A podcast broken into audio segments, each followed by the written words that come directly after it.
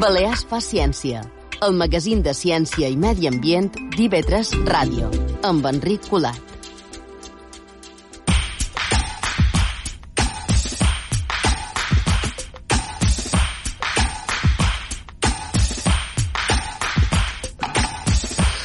Avui volem contactar amb una sèrie de joves investigadors nascuts a Balears o formats a les nostres illes.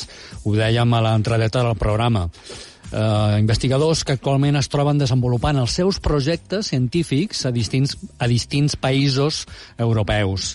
Una de les particularitats d'aquests científics i els seus projectes de recerca és que no estan vinculats a grups i equips de recerca de Balears. Els científics amb els que contactarem ara en directe via telèfon ja fa anys que s'han establert pel seu compte en aquests països, Anglaterra, Alemanya, Holanda i Suècia, i desenvolupen projectes propis, insisteixo, no vinculats amb equips de recerca de Balears. Ara bé, que no hi estiguin vinculats eh, no vol dir que no hi estiguin interessats, òbviament. A tots ells els hi demanarem com afronten el futur de la recerca després de la pandèmia causada pel coronavirus i si els agradaria tornar a Balears per continuar la seva carrera científica en el cas que això fos possible, és clar.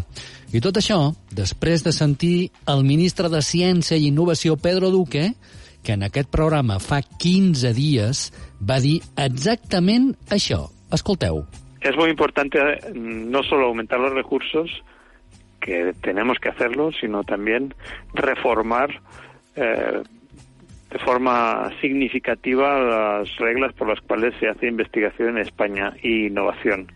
Necesitamos que haya muchísima más agilidad en, en, el proceso y después la justificación de los de los proyectos científicos y ahí estamos eh, buscando la redacción adecuada de unos cambios legales que tendremos que introducir.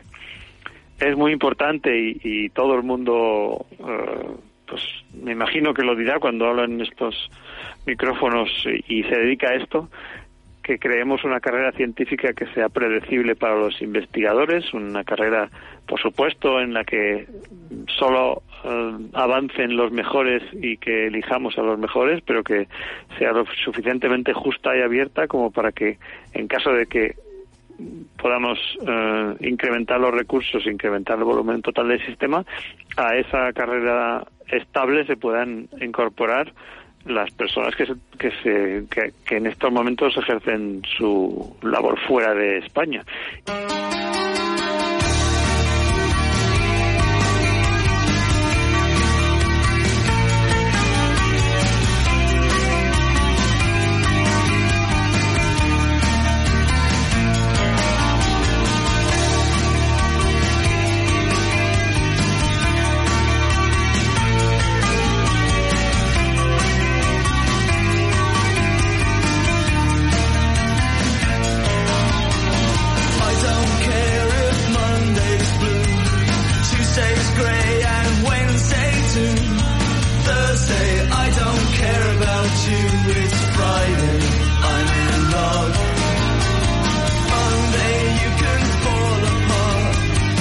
Bartomeu Colom és investigador de tumorigènesi i càncer epitelial a l'Institut Wellcome Trust Sanger a Cambridge, Anglaterra. Molt bon dia, Tomeu. Uh, molt bon dia. En Tomeu Colom ha aconseguit publicar el passat mes de maig, enmig del període de confinament, un estudi a la revista Nature Genetics que us podeu imaginar que no és qualsevol, no és qualsevol cosa, on en Tomeu descriu per primera vegada les regles de joc de la competència entre cèl·lules esofàgiques.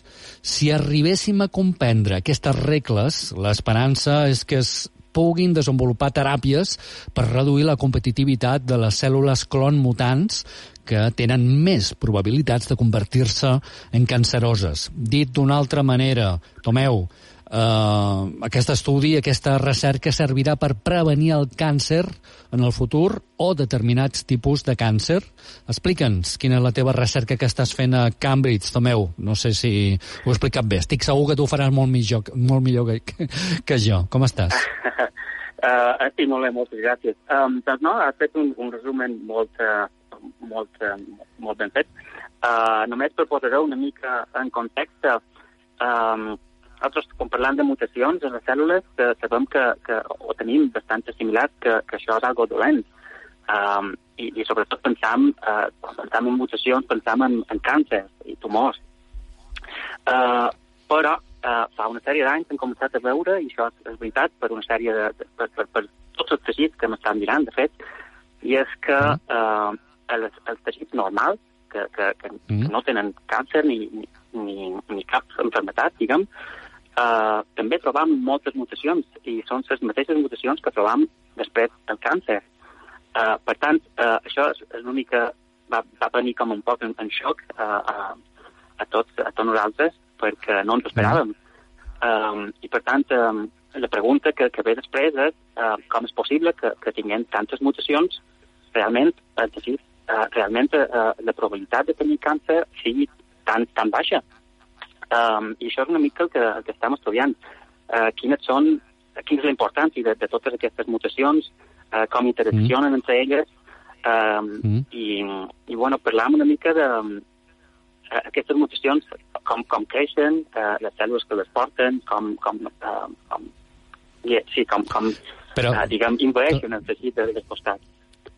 Tomeu, entendre aquestes mutacions, però, pot servir per entendre més la formació d'aquests càncers i prevenir-los en el futur? I quins Exacte. tipus de càncers? El, sí, el que pensam, de moment, és que eh, els càncers s'originen eh, a partir d'aquestes mutacions. Um, però el que hem dit eh, l'article que, que has comentat és que eh, hi ha mutacions bones, entre cometes, i mutacions dolentes i, i el que estan, hem vist és que uh, hi ha algunes mutacions que el que fan és com a frenar el creixement i l'expansió d'aquestes altres mutacions dolentes. Um, per tant, sí, uh, uh, el, el càncer segueix resquent d'aquestes mutacions, però uh, han canviat una mica el concepte de mutacions com a algo sempre dolent. Mm -hmm. eh, Explica'ns quina és la, la teva relació amb Balears, Tomeu. Uh, bueno, jo vaig, vaig néixer a Balears, uh, vaig uh, posar tots els meus estudis allà. Uh, oh, on vas néixer? On vas néixer? Digue'ns on vas néixer, Tomeu. Uh, a Palma, vaig néixer a Palma, sí. A Palma. Després uh, vaig, vaig créixer uh, a Mallorca, vaig posar tots els estudis, vaig anar a la universitat, uh, vaig fer Estudis de també, biolo biolo biologia i bioquímica a la UIP. Exacte, sí. I, I també vas fer la, la, la, això mateix, a, a la UIP, eh? Sí, al Departament de, de Bioquímica. Amb quin, uh, prof... qui va dirigir... Ara igual ens està sentint, vull dir que si vols anomenar-lo, no ho sé. Eh, um, trobis, eh?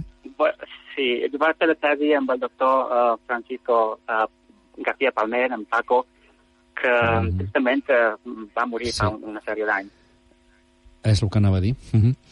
I, doncs, uh, i quan varàs partir cap a Anglaterra? Quants anys fa? I per què? Doncs uh, això va ser en acabar la tesi el 2007, ja fa una, una sèrie d'anys. Um, um, vaig decidir uh, anar fora a l'estranger, a continuar la, la, la recerca. El, el, dos, el 2007 has dit. Exacte. Uh -huh. Eh, per tant, fa ja 13-14 anys que estic aquí a Anglaterra. Um, sí, són molt de temps. Mm -hmm. Bé, um, podem dir ja, després parlarem amb la Maria Alcolea, que és uh, cap de grup de recerca al Centre d'Investigació de Cèl·lules Mare a la Universitat de Cambridge, i ah. és la teva parella o la teva esposa. Eh? Ho, ho dic sí, perquè exacte. després parlar, la, ens passaràs al telèfon i no sé si els dos vareu partir al mateix temps o, o, o us vareu... Bé, és igual, li demanarem després amb ella. Ah, d'acord. Eh, Digue'ns com heu passat, ja podem parlar en plural, eh, com heu passat, o com esteu passant aquests mesos de confinament aquí a... On viviu? A Cambridge? Nosaltres estem a Cambridge, sí, exacte. Uh -huh. Doncs eh, ho hem passat eh, molt complicat. Um, sobretot perquè hem intentant combinar eh, la feina a distància des d'aquí, des de casa, amb, amb cuidar dos fills que tenim, de dos i sis anys, eh, mm -hmm. la qual tots els pares que m'estan escoltant eh, entendran eh, que mm. és molt complicat. Um, sí, però, escolta'm, sí, Tomeu, molt complicat, però tu entremig has publicat a Nature uh, Genetics, que això no passa cada dia. O sigui, com tu has fet enmig sí. del confinament per aconseguir-ho? Bueno, sí, també la veritat és que tenim la sort, vàrem on ens van acceptar l'article um, just abans de, de que tot això explotàs. O sigui, vaig molta de sort. Només he hagut de retocar les proves d'impremta i quatre cosetes, um, però va estar tot fet uh, abans. Doncs nosaltres ara hem posat, o posem aquest link d'aquest estudi de SOFAC, de cèl·lules potencialment canceroses controlades per, per uh, per altres cèl·lules competitives, no? podríem dir així, dir així no? per, sí. per poder entendre aquestes regles del joc de la competència clonal perquè uh -huh. en el futur ens porti això a noves teràpies tant de bo per combatre per combatre eh, el càncer. Aquesta és la novetat d'aquest estudi científic i ha estat reconegut com a, com a tal. En aquest estudi també ha participat eh, eh, la teva parella, eh, na Maria Alcolea. Exacte, sí. De fet, ella va ser eh, la que va començar eh, aquesta investigació ara fa sis anys. Eh, eh, sí, fa molts anys que, estem, eh, que, que, que hem estat amb aquest, eh, amb aquest tema. No, no sé si he acabat d'entendre abans mm, per què vareu partir de Balears i per què, com vareu arribar a Anglaterra, en quines circumstàncies, eh, Tomeu? Um, bueno, varen, ens van plantejar una vegada tots dos a, a acabar l'estadi um, si podíem quedar uh, a Mallorca o si, per contrari, anar a fora uh, una mica l'aventura i per curiositat científica, uh, veure què ha més allà, i van decidir pues, eh, el darrer, eh, de sortir a fora, i Anglaterra era una de les opcions que, que ens van plantejar i, i va sorgir així. Mm -hmm. Però la Universitat de Cambridge, com, com, hi, va, com hi vareu arribar? Uh, Primer vareu arribar a, a la capital, a Londres? A Londres, exacte. Vam estar una sèrie d'anys i després van sortir altres oportunitats i i hem acabat uh, aquí a, Cambridge a diferent temps. Um, uh, ella va venir uh, 2009, si em me'n record bé, i jo vaig, uh, per tant, ell estava anant i vinguent de Londres, que vivíem allà, i, i ara després fa cinc anys um, que jo vaig venir cap aquí. Mm -hmm. um, Tomeu, no sé si has sentit abans aquest tall de veu que hem posat del ministre de Ciència i Innovació, Pedro Duque. Sí, he sentit i molt benvingudes a aquestes eh, paraules. Esperem, esperem que, que, que arribi a alguna cosa. Quins són els vostres plans de futur? Vos agradaria tornar algun dia a fer carrera científica a Balears, a Mallorca, o, o ho veus difícil? Ho veus viable o no? Ho veig complicat, uh, ho veig complicat. Uh, nosaltres ara mateix estem establerts aquí, uh, ja t'he dit, fa, fa 14 anys que, que, que vivim aquí a Anglaterra. Um, per tant, em seria, em seria complicat, però uh, sí, per suposat, uh, tornar a casa, família, amics, uh, uh, clima, uh, tot, la qualitat de vida que, que tindríem a Mallorca uh, no la tenim a lloc. I, i sí, sí, la veritat és que ens plantejaríem seriament uh, poder tornar algun dia. Bé, no et demanaré quin és el teu sou de científic perquè, perquè no sé si és una qüestió de sou o no. Tu has parlat de qualitat de vida, però bé, es, si ja teniu una família i han passat 14 anys, eh, pues, supos que tot això influeix. Ja tens un poc d'accent, eh? Permet, si em permets que t'ho digui, no sé si això t'agrada que t'ho digui o no, però comences a tenir un poc de un poc d'accent. Eh, de... Accent, és veritat, sí. no, no, no me'n dono compte. No? És veritat no, no, que a vegades, sobretot, parlant de ciència és, és molt complicat, és molt difícil um, traduir el, el, el castellà o el català, mm -hmm. perquè no ens surten mm -hmm. les paraules, uh, surten en anglès. Per tant, eh, demano disculpes si és el cas. No, no, no, no, no, no, que va. Jo ho deia com una, una manera d'entendre que és que han passat 14 anys, i 14 anys donen per molt, i clar, vull dir Eh, però, tot i així, supos que, no sé, intueixo pel que acabes de dir que sentimentalment, emocionalment, pues, encara conserveu l'opció de tornar algun dia a fer recerca a Balears, eh? Sí, sí, sempre, sempre ho tenim en ment, eh, que seria... Un... Vamos, sí, sí que ens agradaria, clar. Uh -huh. Com veus el futur de la ciència en general després de la crisi sanitària i econòmica que estem patint? Uh, doncs uh, molt, molt incert, molt incert, i haurem de veure uh, com evoluciona tot això, um, perquè de, uh, que segur que haurem de canviar la manera de fer les coses uh, a, a molts nivells, perquè això afecta eh, primer a nivell de, de pressupost d'investigació, ha disminuït eh, moltíssim, um, i després eh, pot canviar um, de manera com la ciència, eh, la divulgació de ciència, eh, per començar congressos que es poden fer eh, més online, o, o la manera de publicar la ciència també es pot veure afectada per això. Eh, a què es dediquen els dobbers també és una cosa que, que, que es pot influenciar, a més, eh, dedicat a enfermetats víriques, per exemple. Um, i, i, sí, i sobretot a, a la recerca eh, en particular, que de fet també nosaltres, la recerca amb, amb animals, amb ratolins, per ser um, específics, eh, ens afectarà moltíssim perquè nosaltres, per exemple, hem hagut de, d'interrompir experiments que teníem en marxa, són experiments que, mm. que duren anys en alguns casos, mm. i tot això s'ha hagut d'aturar de manera uh, ràpida uh, i tardarem anys a recuperar uh, tot, aquesta, tot aquest experiment. Per tant, uh, sí, ens afecta bastant, sí. Tomeu, mm, què et sembla si parlem ara amb Ana Maria, Ana Maria Alcolea? Te tornem a reiterar Perfecte aquesta, aquesta enhorabona per haver publicat en aquest estudi a la revista Moltes gràcies. Genetics, que està molt bé. Moltes gràcies. demostra que, que hi, ha, hi ha vida, a part de la recerca al voltant del coronavirus, el món segueix i es fan moltes més coses com les que fas tu. Una abraçada, Bartomeu. Moltes gràcies a tots. Eh, i, I gràcies per, per tenir-me aquí el, el programa. No, gràcies a, a tu. I ara um, conversem amb la doctora Maria Alcolea, que dirigeix un grup d'investigació al centre de al Centre de Recerca de Cèl·lules Mare a la Universitat de Cambridge. Hola, Maria. Hola, Maria. Veure si podem parlar amb la Maria.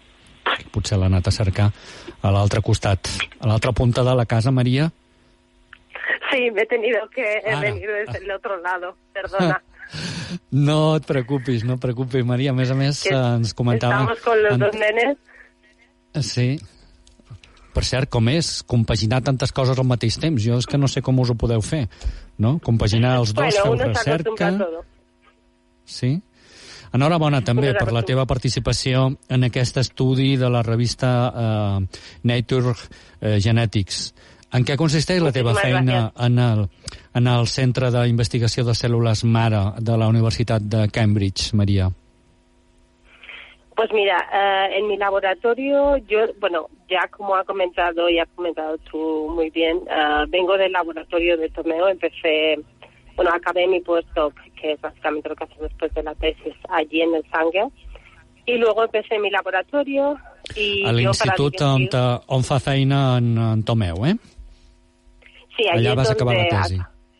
Sí, allí, no, acabé el postdoc, que es lo que haces después de la tesis, básicamente. Ajá. Entonces es como, como el, eh, el entrenamiento que tienes después de hacer la tesis, haces como unos años que maduras, digamos, científicamente, y en ese momento, después de tener unas ciertas publicaciones, llegas a un punto donde estás preparado pues para montar tu laboratorio y todo eso. Entonces eso lo Pero hice... tú también... En, però tu també te vas, perdona Maria, tu també te vas formar a la Universitat de les Illes Balears, però... Sí, sí, sí, yo hice la tesis también allí en el mismo departamento en bioquímica y luego nos mudamos juntos hacia aquí, que es donde empezamos ah, los postdoctorados. Entonces, a Inglaterra vas fer el postdoctorat, perfecte. Sí. sí, los postdoctorados es este periodo que te comentaba, que te entrenas para el futuro, digamos, para ver si, si consolidas tu estadio de investigador para luego montar tu laboratorio. I tu ets investigadora principal en el Wellcome uh, Cambridge Stem Cell Institute i uh -huh. estàs afiliada al, al Departament d'Oncologia de la Universitat de Cambridge. Sí. Uh -huh. sí, exactamente. Entonces, en mi laboratorio, una vez que, que inicié uh, la investigación, digamos, independiente, ya montando mi propio laboratorio, lo que empezamos a investigar eh, estaba más centrado en intentar entender cuáles son los mecanismos que regulan las respuestas de las células a cualquier cambio. Por ejemplo, si te pongo un ejemplo así más general, sería un símil como cuando vamos conduciendo un coche, ¿no? Uh, todos de manera automática cambiamos la forma que conducimos el coche, pues cuando hay un tráfico, cuando hay tráfico, cuando hay un accidente, pues las células, digamos que hacen algo similar. En condiciones normales se comportan de la misma manera para mantener un tejido, pero en un momento dado tienen que cambiar. Por ejemplo, en el caso de la piel puedes tener un corte y entonces ese corte se tiene que regenerar. Esas células cambian muy rápidamente su comportamiento, pero a la vez luego tienen que volver a comportarse normal. Què passa? Perdona, que una, una, una, sí, sí, una pregunta, Maria. Llavors, les persones que tenen una professió de risc o que estan uh -huh. sotmeses a, a un estrès continu, llavors uh, uh -huh. tenen més possibilitats de, de patir aquesta alteració, de, de tenir aquest comportament celular, uh, no? Normalmente las células es lo que todavía no se entiende 100% y es lo que estamos intentando entender. Normalmente lo que conocemos hasta ahora es que las células cambian en respuesta a estos cambios que estaba comentando, también cambian y se adaptan. En la mayoría de los casos, si es un, cambio constante, como tú te estás refiriendo a alguien que esté expuesto a algo, a radiación o algún tipo de agresión constante, en la mayoría de los casos esas células se adaptan y llegan a mantener un nuevo equilibrio, que es algo parecido a lo que estaba comentando Tomeu, en el que nos pensamos que cuando tiene una alteración todo va a ir ya en, en aspecto negativo, mientras que lo que estamos viendo es que tienen una capacidad de adaptación muy grande y son capaces de alcanzar un nuevo estadio normal, pero aceptando estas nuevos, nuevas agresiones a las que el cuerpo se ve expuesto. Entonces, eso es en lo que mi laboratorio está más centrado, en intentar entender qué hace, las, qué hace que la célula cambie su comportamiento y si podemos encontrar algunos, digamos, dianas o, o eh, al entender estos mecanismos, intentar diseñar estrategias efectivas, sí, intentar diseñar estrategias efectivas que se puedan usar desde un punto de vista más clínico, pues para detectar enfermedades, diagnóstico, para el tratamiento de las enfermedades. Porque si entendemos cómo cambian, podemos saber qué tenemos que que manipular en la célula para que se comporte como nosotros queremos, en el caso, por ejemplo, de càncer. Maria, mm, com és viure a Cambridge? T'agradaria tornar a fer recerca, aquesta pregunta l'he fet també en en, en, en Tomeu, t'agradaria tornar a Balears? Quin futur, mm, en el cas de que els teus fills, que evidentment són tan petits encara no, no, no sabràs... Bé, bé, tenen moltes possibilitats, eh, en els gens de, de, de ser científics. T'agradaria pues, un futur eh, a Balears per ells, dins del món de la ciència, o és una cosa que no, no s'us passa pel cap? Sí, claro, como estabas comentando también con los comentarios del ministro, creo que el límite siempre ha sido, y por el principal motivo que nos, que nos fuimos, es porque pensamos que para hacer el tipo de ciencia al nivel que nos gustaría al menos explorar en aquel momento, teníamos que irnos fuera.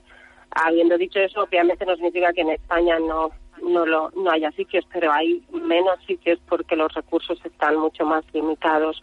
Entonces quisimos ir fuera y la idea, como él ya ha dicho, era volvernos en un par de años, después de haber mm, cogido más experiencia y ser más valiosos. Pero es cierto que, lo, que luego también hubo la crisis, coincidió y pues no ha habido muchos recursos tampoco disponibles ni plazas. Pero es cierto que, que por lo que tengo entendido ahora se está haciendo muy buen trabajo y también, por ejemplo, uh, nuestra amiga, uh, la doctora Margarita uh, Frontera Borrueco ha estado impulsando nuevas medidas, nuevos programas de investigación y, y los que vienen detrás también esperemos que lo sigan apoyando. Y yo creo que todo esto, si, si se mantiene también o se apoya desde, desde el gobierno central, sería algo crítico para que gente como nosotros volviéramos, porque si no volvemos ciertamente no es porque no queramos volver. Creemos que todo lo que hemos ganado desde nuestro desde nuestra experiencia aquí fuera se mm. podría mm. se podría utilizar para intentar impulsar la investigación también en España. pero mm. tiene que haber un poco de, implicación y de recursos implicados para que eso pase. Pero sí, obviamente me encantaría, me volvería mañana si hace falta. demà, si fes falta. No sé si pots demà, eh? No sé en quina fase esteu. No, no crec. En Anglaterra, no sé, però crec que tampoc encara podeu viatjar, no és vera? No, mm, todavía bé, no. Bé, dilluns ens arriben turistes alemanys aquí a Balears, això sí. Sí, eh? eso he oído. Sí. sí, nosotros uh, esperamos, tenemos María. billetes para agosto, veremos. Ah, sí? Maria, moltíssimes gràcies. Na Maria Alcolea dirigeix aquest grup de recerca eh, de cèl·lules mare a la Universitat de, de Cambridge. Enhorabona, gràcies per ser amb nosaltres. Molta sort. Muchísimas gracias a vosotros por tenernos. Gracias.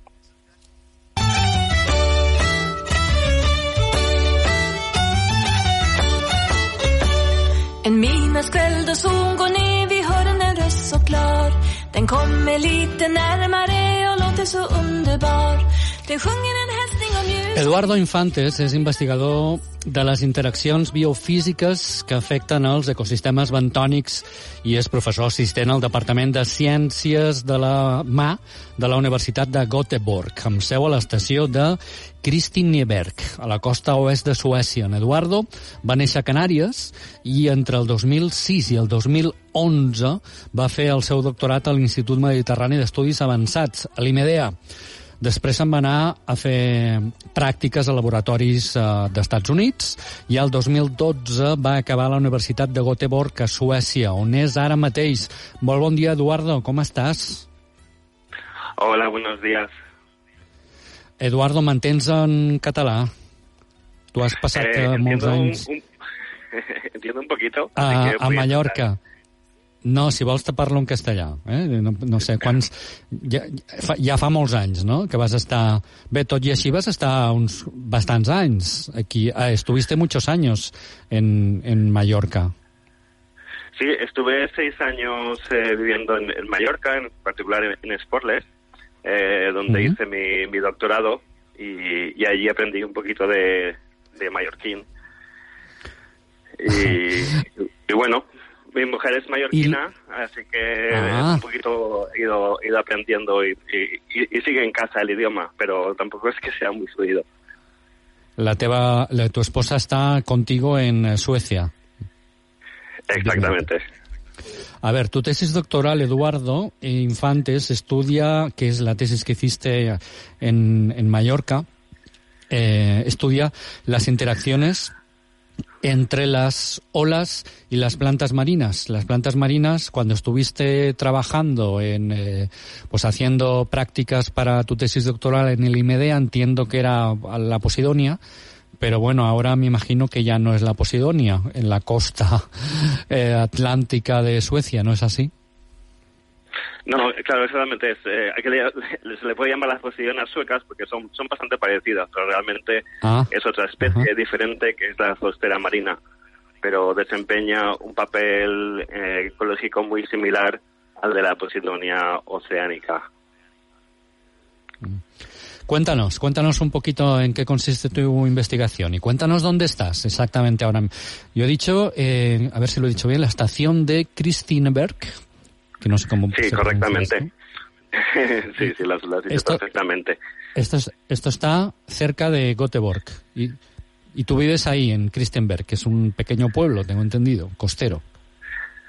Sí, exactamente. Es un pueblecito muy pequeño que está a una hora al norte de Gotemburgo, donde está situada la, la estación marina de Christineberg. Y, y, vivo aquí desde hace aproximadamente ocho años eh, donde he estado estudiando las interacciones entre las, las, plantas y el oleaje desde dos puntos de vista. Uno de ellos es, por ejemplo, cómo las praderas eh, son capaces de reducir el oleaje y proteger la, la costa.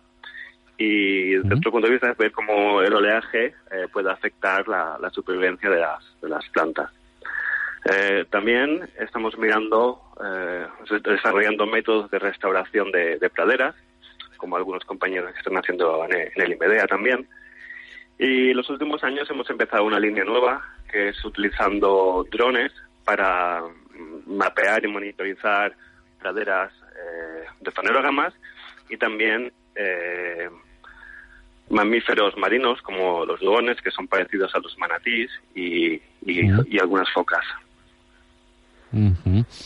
¿Qué recuerdas de tu paso por Mallorca? ¿Qué has podido aplicar de tus estudios, de tu tesis doctoral y de tu experiencia en, Baleares?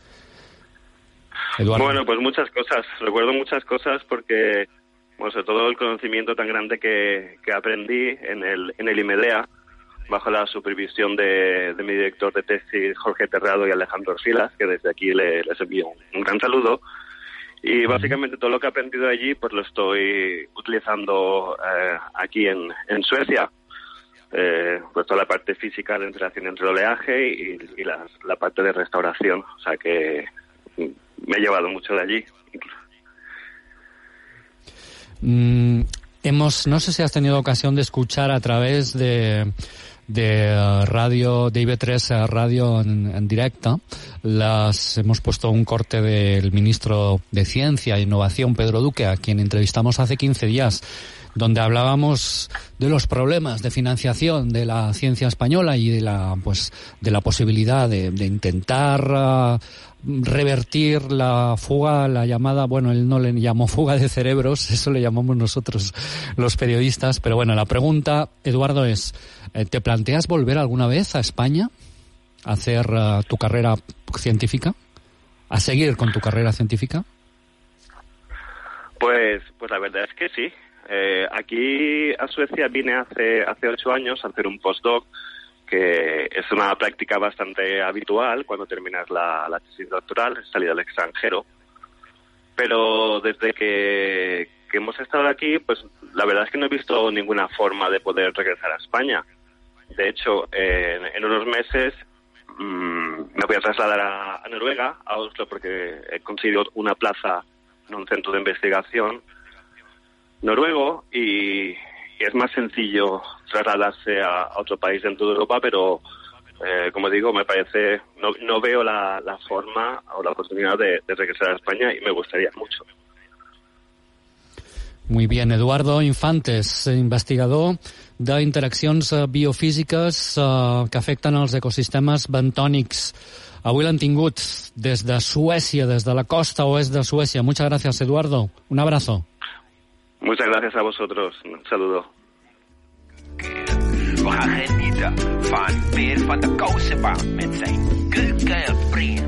I tenim un eh, quart científic eh, al qual eh, saludem, en Macià Boades Roger, investigador en neurociència i psicologia al, al Centre de Cognició de la Universitat Redwood de Nimeja, als Països Baixos. Molt bon dia, Macià. No podíem contactar amb tu. Ara no, ho hem sí, aconseguit, el... finalment. Sí, hi havia problemes de cobertura, però per que ja va bé, que ja va bé, la cosa. Ara va bé, però eh, he, he dit els Països Baixos, però tu ara no ets als Països Baixos, tu ara ets a Alemanya. Mm, no, és una situació una mica complicada. Jo havia, havia estat fent un estada postdoctoral, bé, havia, havia fet el doctorat i el meu postdoc a Alemanya, i ara m'anava cap a Holanda, sí. just abans del sí. coronavirus, amb un projecte que m'havien finançat eh, justament ha pegat el coronavirus i oficialment ja estic fent feina per Holanda des de ca meva, però encara estic a Alemanya, encara no m'he pogut traslladar a Holanda. Però, I t'incorpores quan en aquest centre de cognició que es diu com? Dunder Center of, no. for Cognition? Uh, sí, quan t'incorpores? Uh, juliol, o físicament és juliol. Oficialment Estàs... ja, ja hi faig feina. El que puc fer des de ca meva, sí. D'on ets, tu? On t'has nascut, uh, uh, Macià? Són del Gaida. Um, I els estius el de passava sempre a l'Estanyol de mitjorn. Perdona? Els estius el de passava sempre ah, a l'Estanyol de mitjorn. Tu sí, sí conserves l'accent mallorquí, eh, uh, Macià? Uh, bueno, estic molt arrelat a Mallorca, però sí. Sí. Escolta'm, eh, tu te vas formar de totes maneres no a Mallorca, sinó a, a Barcelona, tinc entès. Correcte. I després ja vas, i després ja vas partir. Et planteges tornar a Mallorca alguna vegada per Hombre, fer recerca? Com veus, la tònica de lo que han dit tots els altres semblants, que és a temia per petita que sia, que diu mon pare, Uh, I sí, a Mallorca sempre fa tornera, encara que mm, ja estan que fer ciència a Espanya per tot el que han dit els altres convidats, no és tan bo de fer, Però, sí, tornar sempre es tira. Eh, vulguis que no, eh, la terreta es tira. M'ha cridat l'atenció que, que puguis saltar d'un país a l'altre, no? Això aquí al sud d'Europa potser ho veiem un poc més complicat. Te queda un minut i mig, no sé si vols dir que alguna cosa que no ah, hem dit. Uh... Sap, me sap greu, però se'ns tira el temps al damunt. No, no, no, no, no fa res. Bueno, ja que, ja que, ja que m'has fet aquesta pregunta, bueno, des, eh, en el món de la ciència, eh, de la recerca universitària, sempre pots votar d'una plaça postdoctoral a una altra fins que te jubilis, pràcticament.